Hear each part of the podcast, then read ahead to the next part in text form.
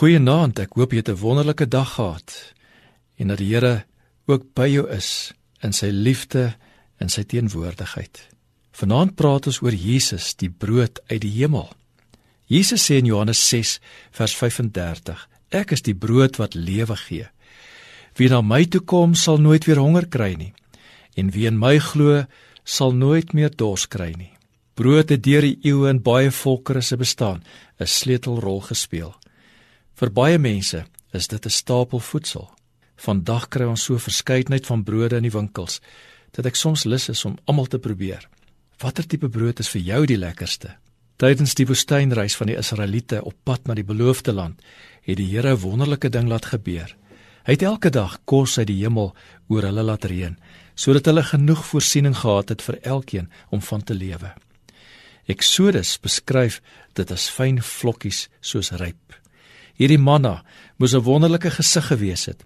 God het ook kwartels gestuur as belangrike aanvullingsbron vir hulle fisiese kosvoorraad. Dit was alles tekens van die Here se fisiese sorg vir hulle. Maar die Here kyk nie net na die buitekant van ons menswees nie. Hy sorg ook vir die binnekant. Hy wou gehad het dat Israel ook geestelik moes lewe. Dat hulle vir hom sou erken as die voorsiener ten opsigte van hulle geestelike honger. Hy wou nie net fisies vir hulle versorg nie, maar ook geestelik in hulle behoeftes voorsien.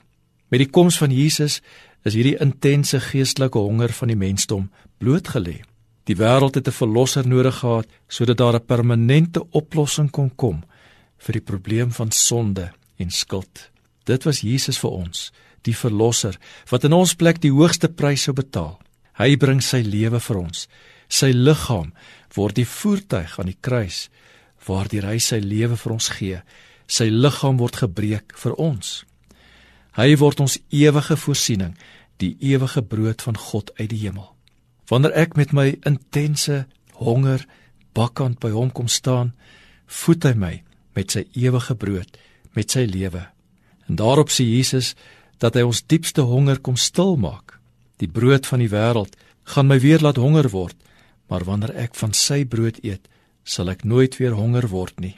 Ons het elke dag die bakkery se brood nodig om te kan leef. Maar ons het ook elke dag die brood uit die hemel nodig om geestelik te oorleef. Die nagmaal herinner ons aan Jesus, die brood wat vir ons gebreek is.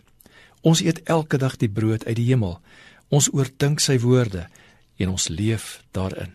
Moenie vergeet dat Jesus ook jou stukkie brood is vir elke dag nie.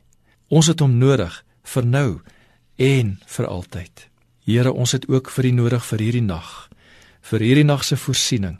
Dankie Here ook vir nou, vir hierdie stukkie brood, vir hierdie nag. Amen.